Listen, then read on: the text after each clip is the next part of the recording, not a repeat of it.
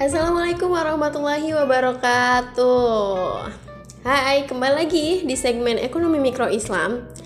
Oke, kali ini kenalin nama gue Elisa Cecilia, MC yang bakal nemenin kalian ngobrol selama 10 menit ke depan.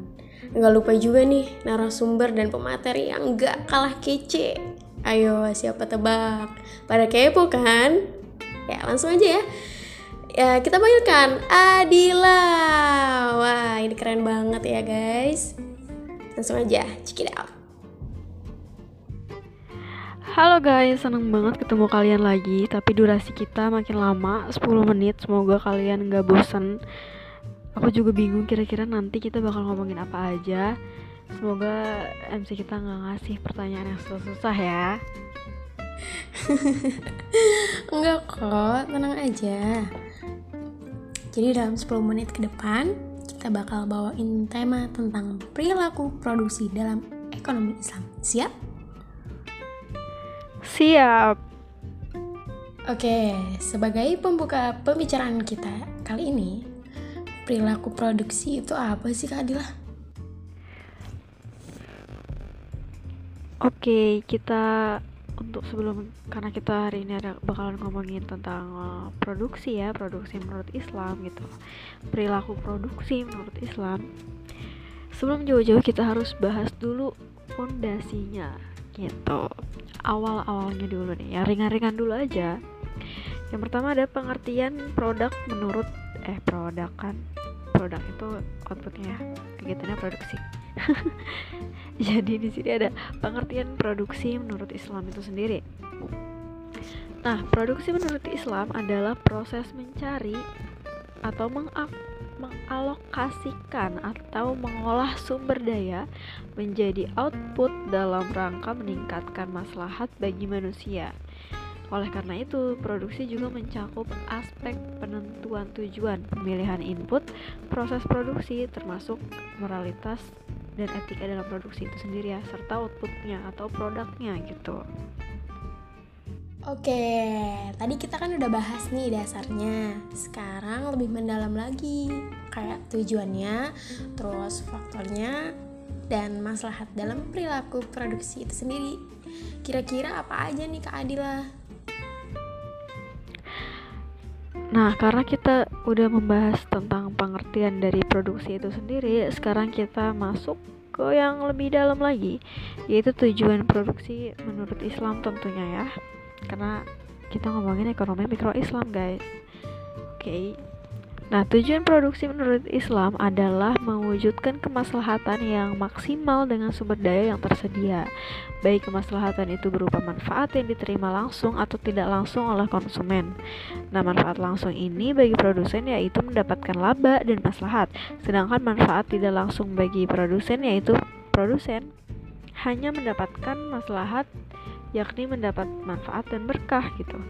Seperti produsen hanya memproduksi dengan kemungkinan tidak mendapatkan laba, tetapi telah memanfaatkan sumber daya yang telah dititipkan oleh Allah Subhanahu wa taala, contohnya membuka lapangan pekerjaan, memproduksi barang yang halal, memproduksi barang uh, yang halal walaupun dengan biaya produksi yang lebih mahal gitu ya dan belum tentu diminati oleh konsumen dan sebagainya.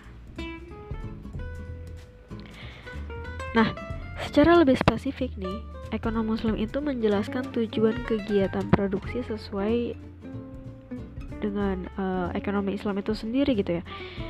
Yakni meningkatkan kemaslahatan yang bisa diwujudkan di antaranya gitu. Dalam bentuknya apa aja sih? Nah kita bakal bahas itu yang bagian awal memenuhi kebutuhan manusia hingga tingkat moderat gitu. Nah, pemenuhan dari sarana kebutuhan manusia pada takaran moderat ini akan menimbulkan dua implikasi. Yang pertama, produsen hanya menghasilkan barang atau jasa yang menjadi kebutuhan, yaitu need, meskipun belum tentu merupakan keinginan, yaitu want atau konsumen. Want dari konsumen itu sendiri gitu.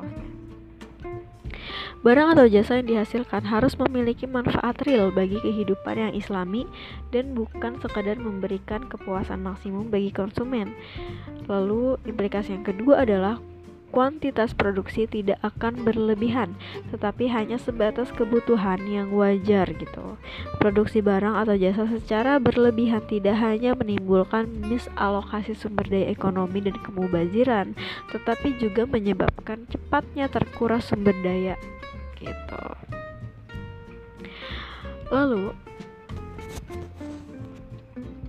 Wujud yang kedua adalah menemukan kebutuhan masyarakat dan pemenuhannya gitu. Kegiatan produksi secara umum memiliki apa ya tujuan untuk memenuhi kebutuhan konsumen. Namun peran produsen dalam ekonomi Islam adalah dengan terus melakukan inovasi untuk menemukan jenis kebutuhan manusia, misalnya kebutuhan tentang rumah sederhana, tahan gempa, gitu ya. Itu pasti konsumen baru sadar setelah ada gempa, setelah gempa terjadi gitu. Kebutuhan akan air minum sehat itu juga disadari pas kita udah nggak bisa minum yang sehat-sehat gitu lagi. Contohnya kayak banyaknya penyakit yang timbul karena kurang air minum yang sehat gitu. Lalu bentuk yang ketiga yaitu menyiapkan persediaan barang atau jasa di masa depan. Nah, produsen itu berpikir bagaimana memenuhi kebutuhan konsumen di masa depan, seperti menyediakan sumber energi alternatif untuk memenuhi kebutuhan jangka panjang sekaligus memperbaiki kerusakan alam dalam jangka pendek. Nah, penemuan sumber energi biologis ini yang disebut dalam situ maksudnya biogas sama biodiesel ya Nah, energi listrik tenaga matahari itu solar solar uh, energi, terus ada mobil listrik tenaga matahari merupakan contoh produksi yang direkomendasikan oleh Islam. Lalu bentuk yang keempat adalah pemenuhan sarana bagi kegiatan sosial dan ibadah kepada Allah Subhanahu wa taala. Nah, tujuan produksi ini menjadi ciri khas dalam produksi Islam. Nah, dengan kata lain, tujuan produksinya itu bukan hanya laba aja gitu, tapi supaya mendapatkan berkah yang secara fisik belum tentu dirasakan oleh pengusaha itu sendiri tetapi dapat dirasakan secara sosial. Nah, selain untuk pemenuhan kebutuhan manusia sendiri, produksi harus berorientasi kepada kegiatan sosial dan beribadah kepada Allah Subhanahu wa sebagaimana dalam surat As-Saff gitu ya. Kita banyak banget deh pelajarannya yang ada di Al-Quran dan Sunnah itu harusnya kita tuh udah udah meneladani itu gitu. Nah lanjut lagi. Itu udah selesai tujuan-tujuannya. Terus kita masuk lagi nih ke yang le lebih dalam gitu. Yaitu nilai-nilai Islam dalam produksi gitu. Jadi secara singkat ada empat nilai pokok dalam ekonomi Islam yaitu kepemilikan, keadilan dalam berusaha, kerjasama dalam kebaikan, dan pertumbuhan yang seimbang. Nah, dalam melakukan produksi, produsen itu dituntut untuk selalu mengaplikasikan nilai-nilai Islam, misalnya tidak memproduksi barang yang haram dan barang yang mengandung zat membahayakan, gitu. Nah, kita masuk lagi ke bawah yaitu maksimisasi maslahat dalam produksi. Ya. Bagaimana konsep maslahat diaplikasikan dalam perilaku produsen? Maslahat terdiri dari dua komponen yaitu manfaat dan berkah. Bagi produsen menaruh perhatian pada keuntungan atau laba, maka laba ini merupakan salah satu wujud dari manfaat material. Meskipun demikian, Laba dapat dipergunakan untuk mewujudkan maslahat lainnya, seperti maslahat fisik, intelektual, maupun sosial. Oleh karena itu, motivasi mencari laba dalam Islam diperbolehkan, bahkan dianjurkan selama laba itu akan meningkatkan kemaslahatan. Nah, komponen maslahat kedua dalam produksi adalah berkah, yaitu bertambahnya kebaikan yang ditimbulkan dari suatu proses produksi sebagai akibat dari komitmen terhadap kewajiban agama atau berbuat baik kepada pihak lain dengan memerlukan biaya tambahan contohnya hmm, untuk mendapatkan daging yang halal gitu bagi sebuah warung makan, maka ada kalanya diperlukan biaya tambahan dan ada kalanya tidak, bergantung pada adat dan budaya yang berkembang di wilayah ya atau oh, di daerah tersebut gitu ya.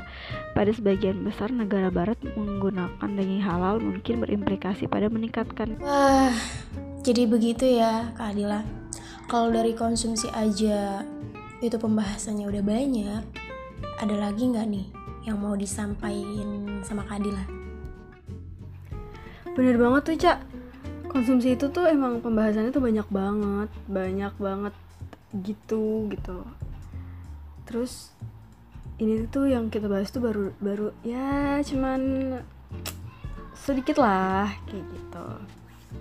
Kayaknya cukup sampai sini aja deh Cak Oke, sekian dulu podcast dari kita berdua. Terima kasih buat Kak Adila untuk materinya.